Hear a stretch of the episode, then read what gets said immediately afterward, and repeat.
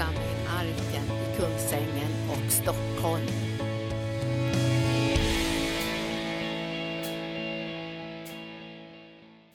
Ja, det blir bara tack Jesus. Jag tänkte faktiskt när jag gick upp här på, på scenen att eh, mina skor är för stora. Nästan alla mina skor är för stora nu för tiden, jag vet inte vad det är. Men då tänkte jag så här att när jag tog emot Jesus tyckte jag att alla skor var för små. För jag kände att jag hade så jätte, jättemycket inom mig som liksom sprängde och längtade efter att få komma till sin fullbordan. Och därför glädjer jag mig med att jag har för stora skor idag. För det betyder att Herren har väldigt mycket på sitt hjärta. Tack Jesus. Tack Jesus. Jag ber dig här att den här dagen ska få bli en underbar dag där vi får tacka dig. För det är du som ska ha all tacksägelse Jesus, för det är du som är så trofast. Och dina tankar är högre än våra tankar. Och dina planer är större än våra planer. Och därför överlåter vi oss till dina planer och dina drömmar. För när vi får dina drömmar så blir våra drömmar förverkligade. När vi får tag på din vilja så blir vår vilja i dig förverkligad. Och vi ber dig heliga Ande att du ska ska visa ännu mer vad du har på ditt hjärta. Så vi kan se rakt in i Jesu hjärta både för Norden, Sverige men också ut över världen. Vi vet här att det, det mörker övertäcker jorden. Men du har också lovat här att ljus ska gå upp över oss. Och jag vill tacka dig Herre för din underbara godhet och din underbara kärlek. Och jag vill be att välsignelse ska komma över den här dagen och alla ska få känna att det här handlar om dig. Det handlar om din trofasthet och din kärlek. Och vi får vara lerkärl och bära den här härligheten. Men det är du som äger den här härligheten. I Jesu namn. Amen. Ni vet ett bibelställe så står det att David han stod där och blev, det var fullt krig på den tiden. Och David han stod där och, och längtade efter vatten. Och han pratade nästan högt för sig själv och sa, åh tänk om jag hade fått vatten från Betlehemskällan. Och hans medarbetare hörde de orden. Och de stack iväg rakt genom fiendens läger med fara för sina egna liv. Och så kom de tillbaka med vatten från den här rena och vackra källan. Och då står det i Bibeln så här att David han sa så här, det här kan jag inte dricka. Utan jag häller det ut på marken som ett drickoffer åt Herren. Och det vill jag säga idag också att jag häller ut allt som ett drickoffer inför Herrens ansikte. För jag vill sända tillbaka tacksägelsen till er alla.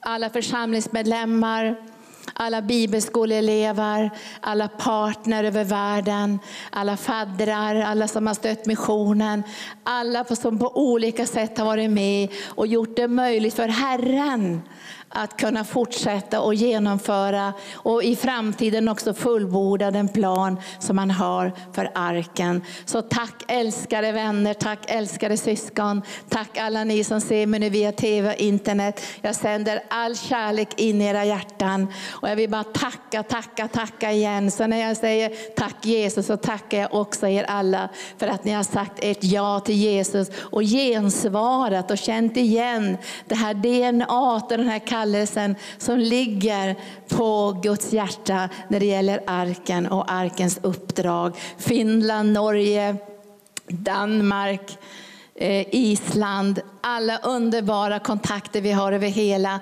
Norden och ut över världen. Vad underbart att få höra syskonens gratulationer från Kambodja. För jag kommer ihåg när jag var i Kambodja och de, de sa till oss när vi var där på slutet av 90-talet att många ledare över världen har sponsrat och gett upp och inte stått vid vår sida. Men så sa de, arken ni är den enda genom åren som har varit trofasta. Vi har inte kunnat vara så trofasta i jättestora belopp, men vi har känt att det viktiga är att vi kan vara trofasta med våra hjärtan. Just nu så läser jag mycket från Esra och Nehemja. Och när jag bad inför Herren för den här dagen så var det som att jag stod, såg en jättestor mur. Och jag såg att det var syskon över hela världen som arbetade på den här muren. Är inte det fantastiskt? Ända från Kina upp till Mongoliet så finns det syskon som arbetar och tjänar för att få utbreda Guds rike. Och sen tittade jag på den här muren och så såg jag, där fanns också församlingen Arkan. Vi finns också där. Och jag vill tala idag lite grann ifrån Hebreerbrevet kapitel 12 och versen 22 som handlar om en festförsamling. För när du och jag bygger ett hus åt Gud så bygger vi ett hus åt oss själva. När du och jag är med och bygger ett hem åt Gud så bygger vi också ett hem åt oss själva. Och jag tror att vi lever i en väldigt, väldigt utmanande men också viktig tid. Och jag tror vi behöver förstå och se vad som händer i den här yttersta tiden för att förstå tider och stunder.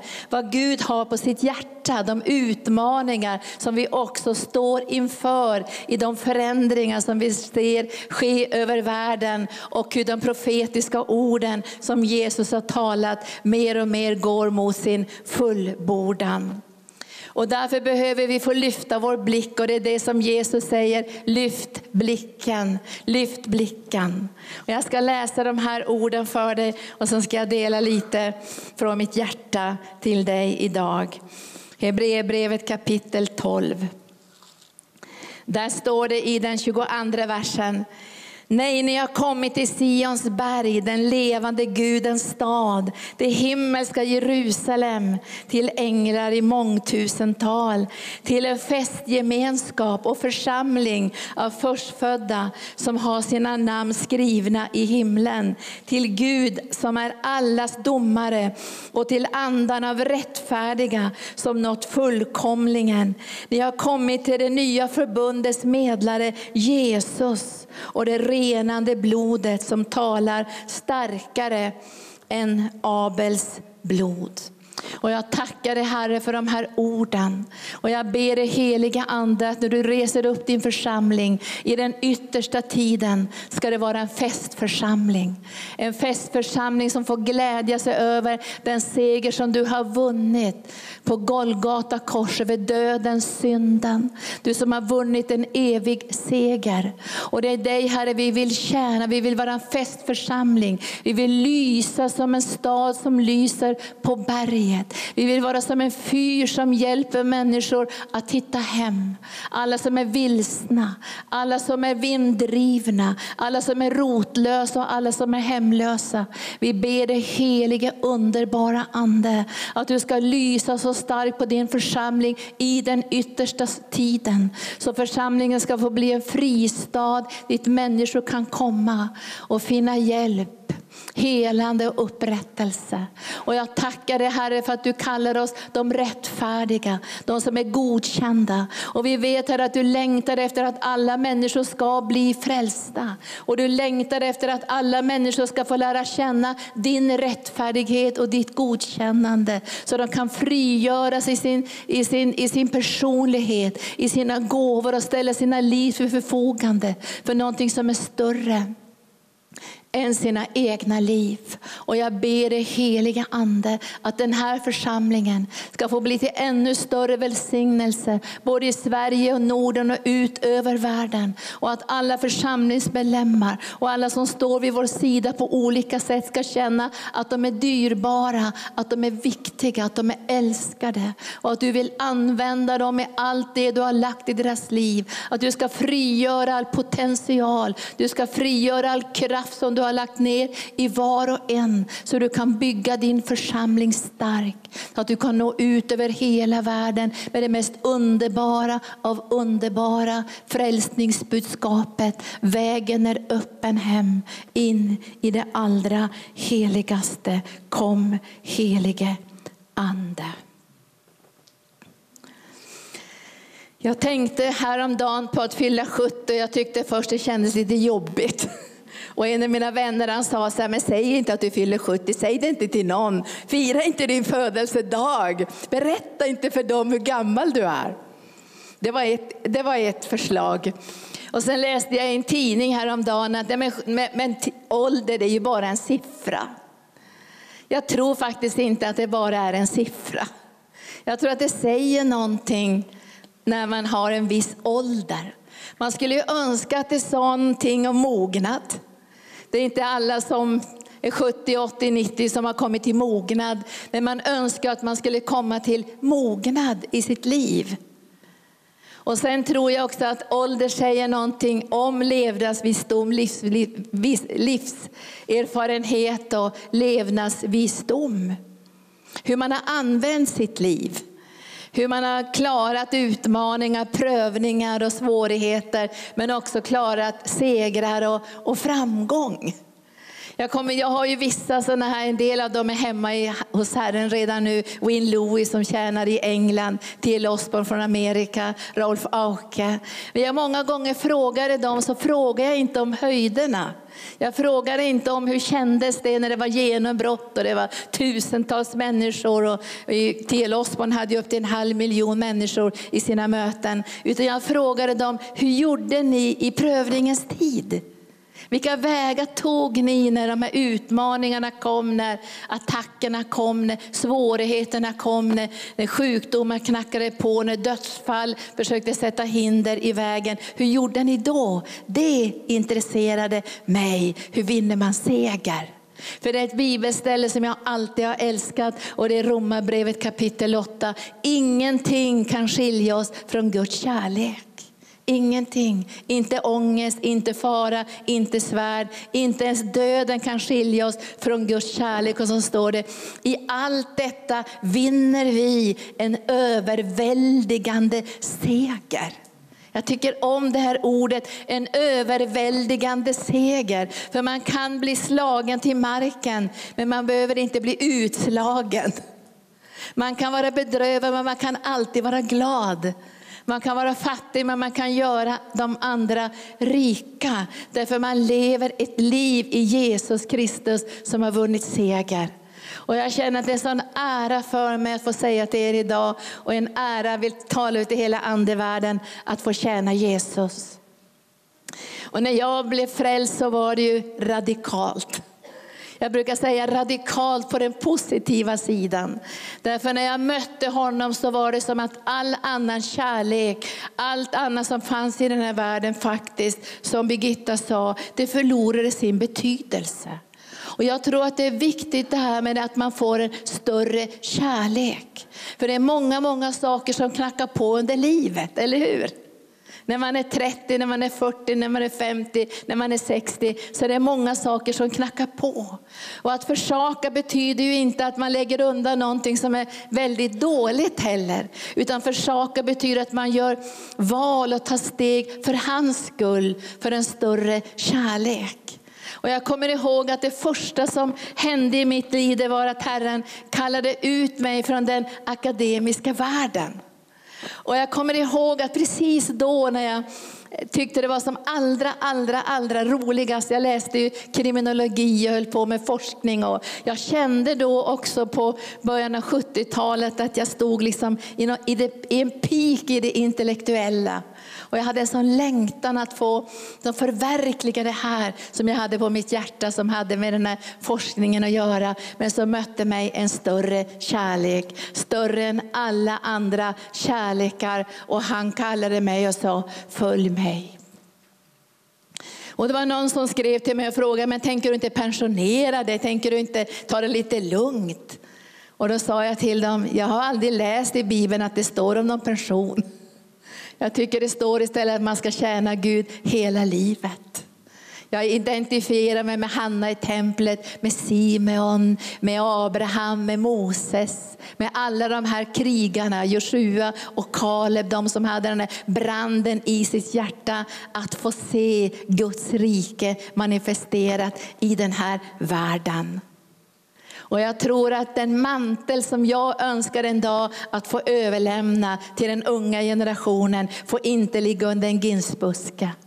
För jag tror inte att när man går förbi den ginsbusken och säger, vem är det som ligger där? Ja men det är ju Linda som gav upp före målsnöret. Jag skulle önska att den unga generationen skulle se den här manteln, för det är Guds egen mantel, och längta efter en dubbel smörjelse. Att få del ännu mer av den kärlek som är större än alla andra kärlekar, att få tjäna Jesus.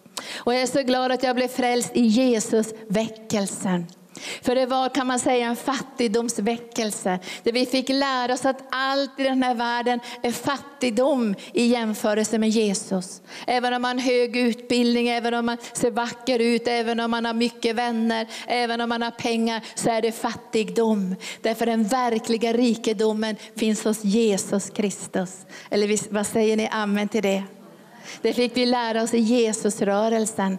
Att man kan ha allting i det naturliga, men man kan vara otroligt fattig. Men den som är fattig, säger Bibeln, salig är de fattiga i anden, för Guds rike tillhör dem. Och jag fick den här första kärleken till Jesus och den har hållit i sig genom åren.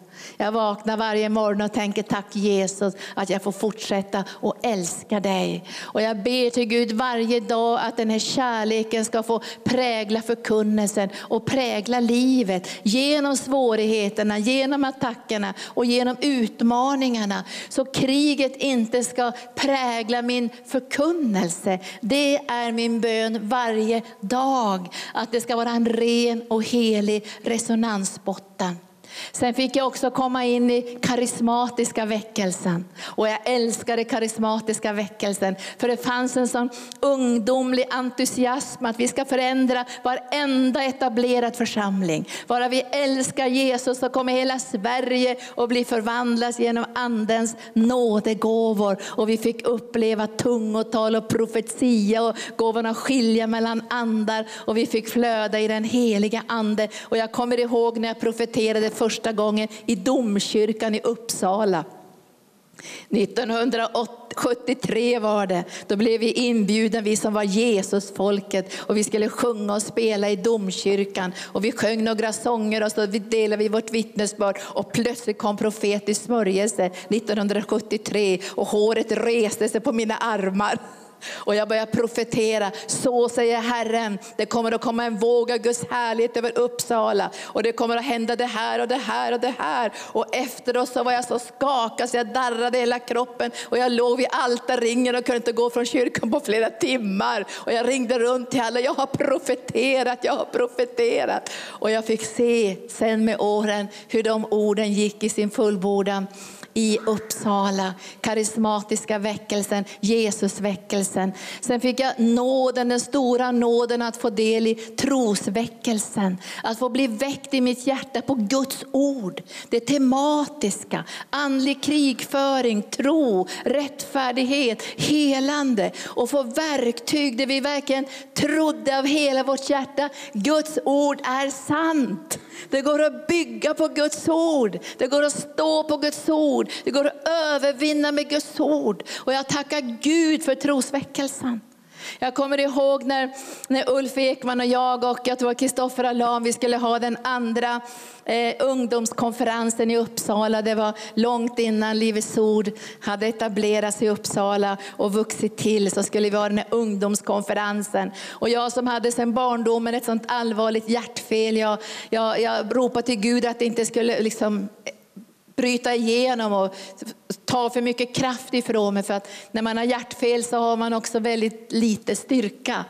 Det är lite svårt att andas. Och jag hade det där hjärtfelet sedan många år. Och dagarna innan jag skulle åka upp till Uppsala och predika i den här stora ungdomskonferensen så låg jag faktiskt på intensiven med hjärtapparater och allt möjligt. Och jag låg där och tänkte, men det vore ju verkligen bortkastat att dö nu när jag knappt har börjat min tjänst. Men jag tänkte jag är villig att dö om Herren vill det, men jag har ingen lust att dö. För jag tänker åka till Uppsala och predika världens predikan för ungdomarna där. Så jag låg där på intensiven och det såg inte särskilt bra ut. EKG var borta i skogarna. Så, men jag, jag, jag blev i alla fall utskriven och jag tänkte jag åker till Uppsala. Jag tog tåget och jag hade jättesvårt att andas så jag kunde inte vara med på mötena. Men jag hade ju två, tre egna möten och så började första mötet. Jag kan än idag komma ihåg det. Det här alltså var att stå på Guds ord, lita på Guds ord. Och jag, jag, bara sa till Herren, jag tänker ställa mig på ditt ord Herre, att inget vapen som smiser mot dig ska ha någon lycka. Vilket bra ord va? Inget vapen som smids mot mig ska ha någon lycka. För min rättfärdighet är av Herren. Och ja, det var fullt med ungdomar och Guds ande var utgjuten när jag trädde fram där. Och då var det en av lovsångarna där, jag tror inte Marie Duva, som ropade ut i mötet. Linda sa hon, du får inte predika än för jag har fått en sång från Herren. Och så började hon sjunga och så sjöng hon, inget vapen som dig ska ha någon lycka, ha ha ha. Och jag bara visste halleluja. Och jag ställde mig på ordet. Bara ställde mig på ordet. Jag predikade Guds ord och Guds ande föll. Och hundratals av de här ungdomarna blev fyllda av den heliga ande. Och en kort tid senare var jag i Danmark och fortfarande hade jag det här hjärtproblemet. Men, men jag bad för människor till helande fast jag själv hade det hjärtproblemet. Och så kom jag ihåg, jag bad för en, en pojke som hade svår psykisk ohälsa. Och jag såg bakom honom andekrafter och makter som hade plågat hans liv. Och jag tog i rejält, i Jesu namn befaller jag dessa makter att böja sig i namnet Jesus. Och jag bara kände Guds kraft hur den kom. Och sen kom kraften tillbaka och helade mitt hjärta. Det här var slutet av 70-talet och jag har aldrig haft något problem med mitt hjärta sedan dess. Inget vapen som smids mot dig. Sen kom nästa våg, halleluja. Sen kom upplevelsevågen, var ni med då? Då man skakade och skrattade och, och hoppade och rullade. Och man brukar kalla det Toronto blessing eller så kallar man det för skrattvågen. Och människor fick uppleva Gud. Vilken fantastisk våg att få uppleva Gud. Och jag har aldrig sett människor så gråta så mycket, skaka så mycket, profetera så mycket, göra profet, profetiska handlingar. Alltså jag har sett människor i hundratals som har skrattat på en gång. För det kom en våg där Gud sa, ni behöver få uppleva mig. I den vågen kom också det djupa själiska helandet. Där människor vågade uttrycka sin kärlek till Gud men också få tömma ut sin ångest och sin smärta inför Herrens ansikte. Och sen har det kommit våg efter våg, sådana här småvågor. Men nu känner jag att det kommer en märklig våg. Det kommer en våg. Och det var därför jag tackade ja att arbeta nationellt till församlingsplanteringsprojektet som ska gå nationellt. För jag kände i min ande och jag såg profetiskt, det kommer en våg vänner. Det kommer en våg och jag hörde Herren säga, och arken ska vara med. Halleluja. Jag hörde det i anden, arken ska vara med. Och jag tänkte halleluja, tack att jag har för stora skor. Då kommer alla att kunna gensvara. Då kommer alla att kunna säga ja till Herren. Då kommer vi kunna sträcka oss vida ut över världen. För det kommer en våg. Och det kommer att vara en märklig våg. Jag tror vi ser den tillsammans i anden, den här vågen. För den här vågen kommer att vara en, en, ska säga, en församlingsförnyelsevåg. Men det kommer också att vara en församlingsexpansionsvåg. där både församling och evangelisation och att nå människor med evangelium kommer att kyssa varandra och möta varandra i den helige ande. Det kommer den här vågen. Och jag tänkte igår när Herren visade mig den här vågen och såg hur den skulle komma. För Herren sa, skörden är stor men arbetarna är få. Men det kommer en våg ut över världen med en gigantisk skörd. Det kommer att komma en sån stor skörd. Alltså vi har ropat efter skörden. Det är många som har sagt till mig, men Linda nu är du snart 70 år och du har bett om väckelse i alla år. Ja, jag fortsätter att be om väckelse. Jag bara fortsätter för jag vet att precis som, som Janne sa, våran äldsta, så sa han så här att Guds vägar är högre än våra vägar. Och det som Gud har talat, det bara väntar, det bara längtar, det bara finns där i anden för att kunna komma till sin fullbordan. Det här finns i Guds hjärta. Det här finns i Guds hjärta. Skörden är stor. Men vi vet också att Jesus säger, men arbetarna är få. Och när jag fick den stora kallelsen från Herren, då blev jag nästan utbränd efter några år. Jag var, så, jag var så utbränd efter några år att jag sa, Herre, det kommer jag inte att orka. Och då sa Herren till mig, det hade jag inte tänkt heller. Herren sa till mig, du ska rusta mitt folk, du ska rusta mitt folk för den kommande skörden, du ska rusta mitt folk för det kommer en skörd. Och jag försökte vara så trofast som jag bara kunnat att rusta Guds folk ut över världen. Och jag träffade nu min ledare, eller vår ledare i Nepal. Och jag sa, ge ditt vittnesbörd till mig. Vad har hänt i ditt liv? Hur har du kunnat bli en nationell ledare med så stort inflytande i Nepal? Och så sa han till mig, men vet inte du det Linda? Nej, jag sa, det vet jag, aldrig hört ditt vittnesbörd. Och så sa han, jag var ett barnhemsbarn i Indien, en liten kille på 7-8 år. Och jag bodde på ett av dina barnhem, sa han, eller som ni har byggt genom marken. Och så sa han, du åkte ju runt på alla barnhem och profeterade över varenda unge. Och jag kom ut, det har jag säkert gjort, tänkte jag, profeterade över varenda unge. Du ska bli det där och du ska bli det där och Herren ska använda det och halleluja. Och mor och far överger det, ska Herren inte överge det. Och jag hade, jag hade profeterat över Binod. Talat ut vad Gud skulle göra i hans liv. Och han sa, de profetorden bar mig på insidan. Det är därför jag är ledare idag. Era söner och era döttrar ska profetera. De unga männen ska ha drömmar. Och när jag har varit i Filippinerna och Indien så har jag sett hur man har klarat av det här. Att vara otroligt starkt utåtriktad. I Filippinerna har jag varit och haft och fått tjäna i deras stora ledarkonferenser då tusen ledare kommer samman. Alltså från öar fjärran bort i Filippinerna så kommer de samman en gång om året för att rustas. Och samtidigt har de i Cebu en stor och växande lokal församling. Samma saker i Indien. I Kombator har de nio möten om dagen. Sju till nio möten om dagen. Och samtidigt har de en expansion som når ända, över, ända till Nepal och ut över hela Indien. Skörden är stor, men arbetarna är få. Och det som Herren säger är att det kommer att vara en sargad skörd. Utbrända, vilsekomna, rotlösa, förtvivlade, sjuka, ohälsa. Det kommer att vara en sargad skörd. Och därför säger Herren att församlingsexpansionen kommer att kopplas samman med den starka församlings, så säga, församlingsbyggandet. Där vi bygger sida vid sida, som Esra och som Nehemja. Jag läste från, e, från Nehemja bok kapitel 4, där de höll på att bygga på muren med en sån brand, med en sån eld, med en sån hängivenhet. Och det står att folk kom från alla håll, upp till tio gånger och sa, sluta bygg på muren. Men de sa, nej det gör vi inte. För de visste att den som bygger ett hem åt Gud, han bygger ett hem åt sig själv. Och den som bygger ett hus åt Gud, han bygger också ett hus åt sig själv. Och vi kommer att gå in i en tid nu där det kommer att explodera. Vi känner ni det?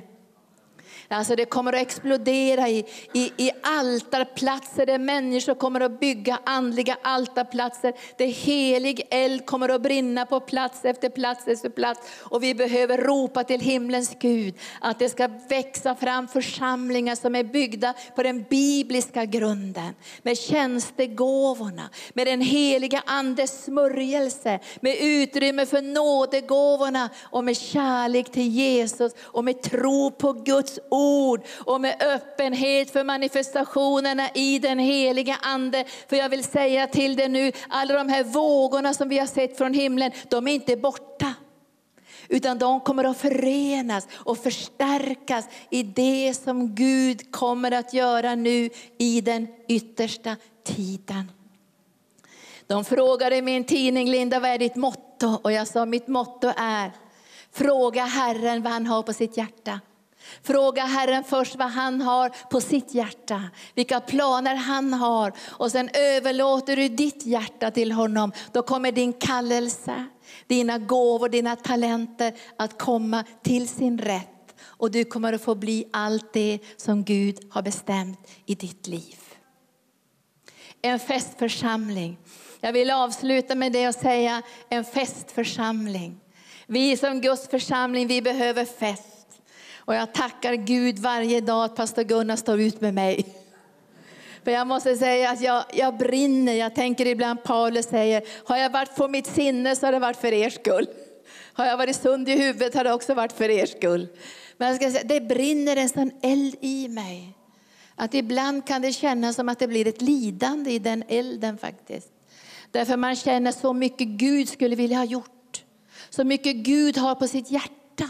Så mycket drömmar han har för barn utöver världen. Barn som är utsatta för trafficking, våldtäkter, nöd, brist på vatten, mediciner. Alltså det finns en sån otrolig nöd. Och jag tänker, Gud vad är det som hindrar dig? Vad är det som hindrar dig? Vad är det som gör att du inte kan genomföra allt det som du drömmer om?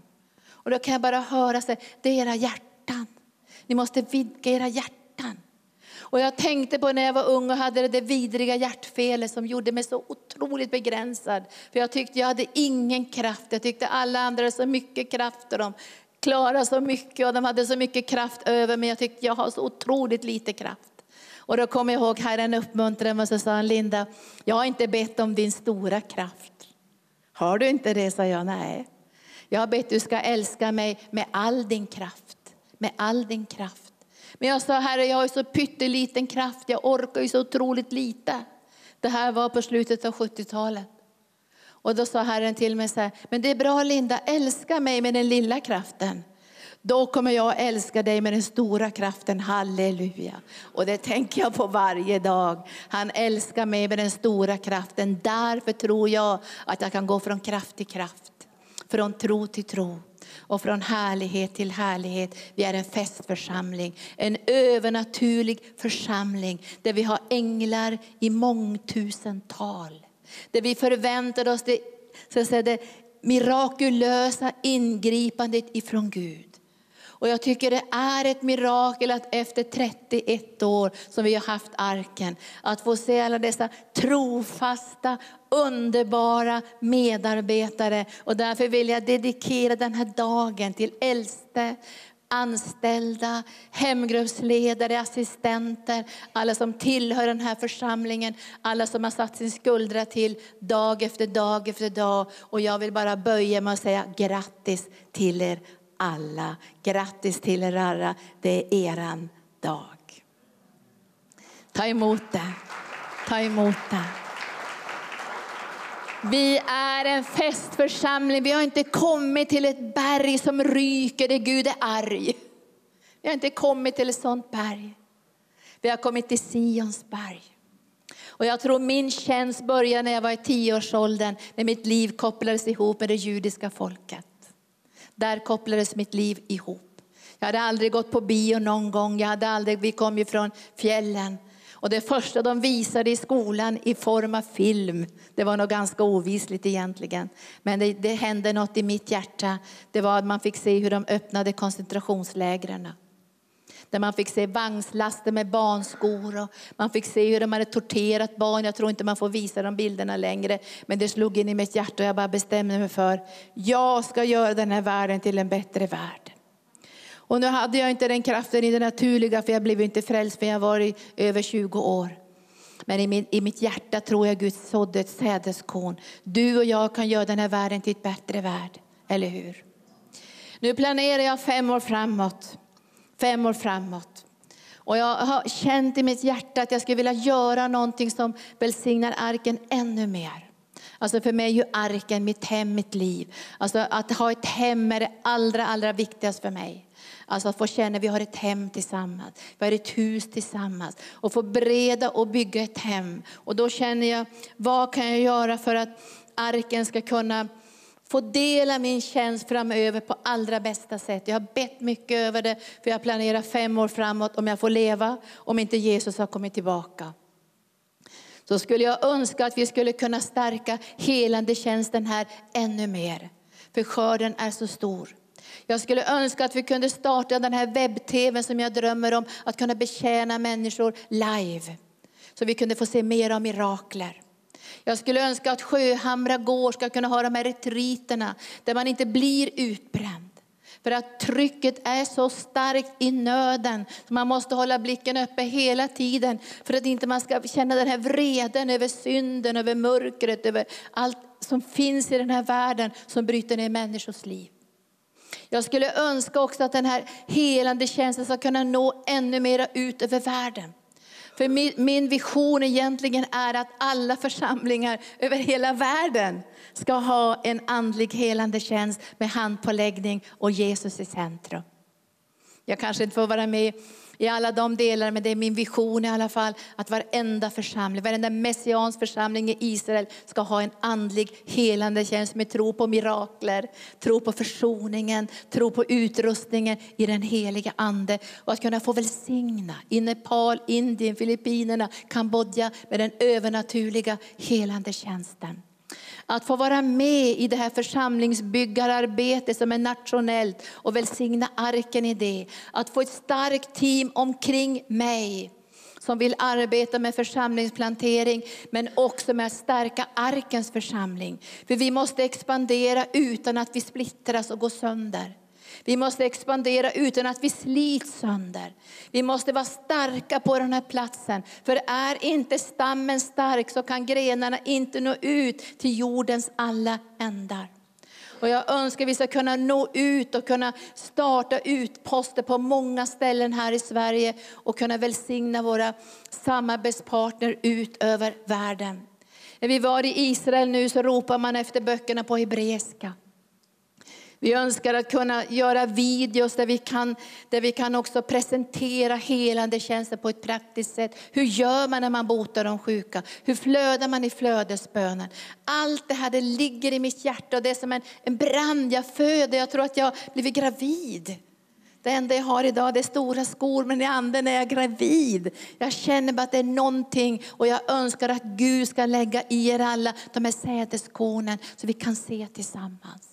Så vi kan kämpa tillsammans, så vi kan bryta igenom tillsammans. Och jag önskar också få rusta unga ledare. Jag har sett så mycket genom åren som har gått så bra, men jag har sett så mycket som har gått fel. Jag har sett ledare som har fallit på målsnöret. Jag har sett äldre som har gett upp när de inte skulle ha gett upp. Och jag vet hur det känns. Jag tycker det ska bli kul att träffa Elia. Det blir underbart att dricka kaffe med honom där en dag. Och med Daniel och med Ruta. Halleluja. Nu ska jag gå för landning här. Måste gå ner för landning. Ner För landning. Det ska bli underbart. Men jag tror också att jag kan förstå många gånger hans känsla när han hade de här kraftiga utmaningarna, andliga krigföringen. Fick se hur Balsprofeterna liksom gjorde som intet och den tröttheten som kom över honom och han lades under ginsbusken. Men tack gode Gud att det finns en ny smörjelse, en ny kraft för att springa vidare. Jag önskar att alla mina medarbetare ska vara som Rut. För jag kan vara bra och jobbig, det vet ni allihopa. När jag kommer på med alla visioner och drömmar. Men ni vet att Rut hon brydde sig inte om att Noomi var lite jobbig, hon kände Herren.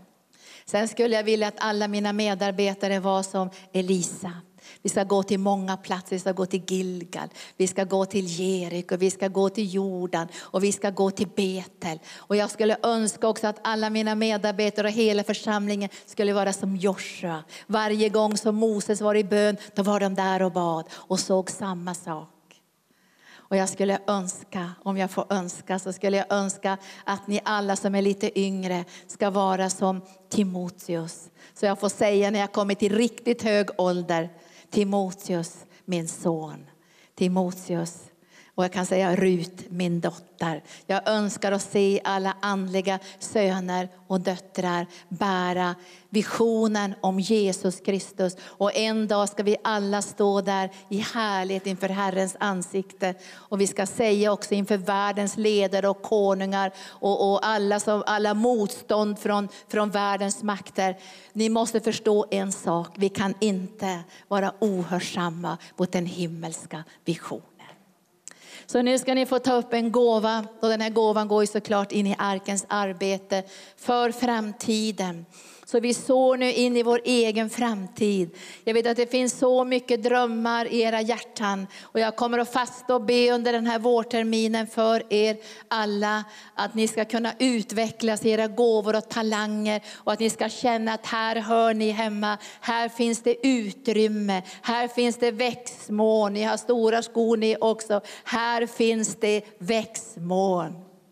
Här ska ni kunna bli allt det där som Gud har tänkt. Och det behöver vi tro tillsammans och stå tillsammans och be tillsammans. Så ingen ska känna så här, men det finns inget utrymme för mig. Och därför vill jag profetera, det finns utrymme för oss alla. Därför allt det här som Gud gör genom våra liv tillsammans är ett enda stort mirakel. Tack Jesus. Tack för att du har lyssnat.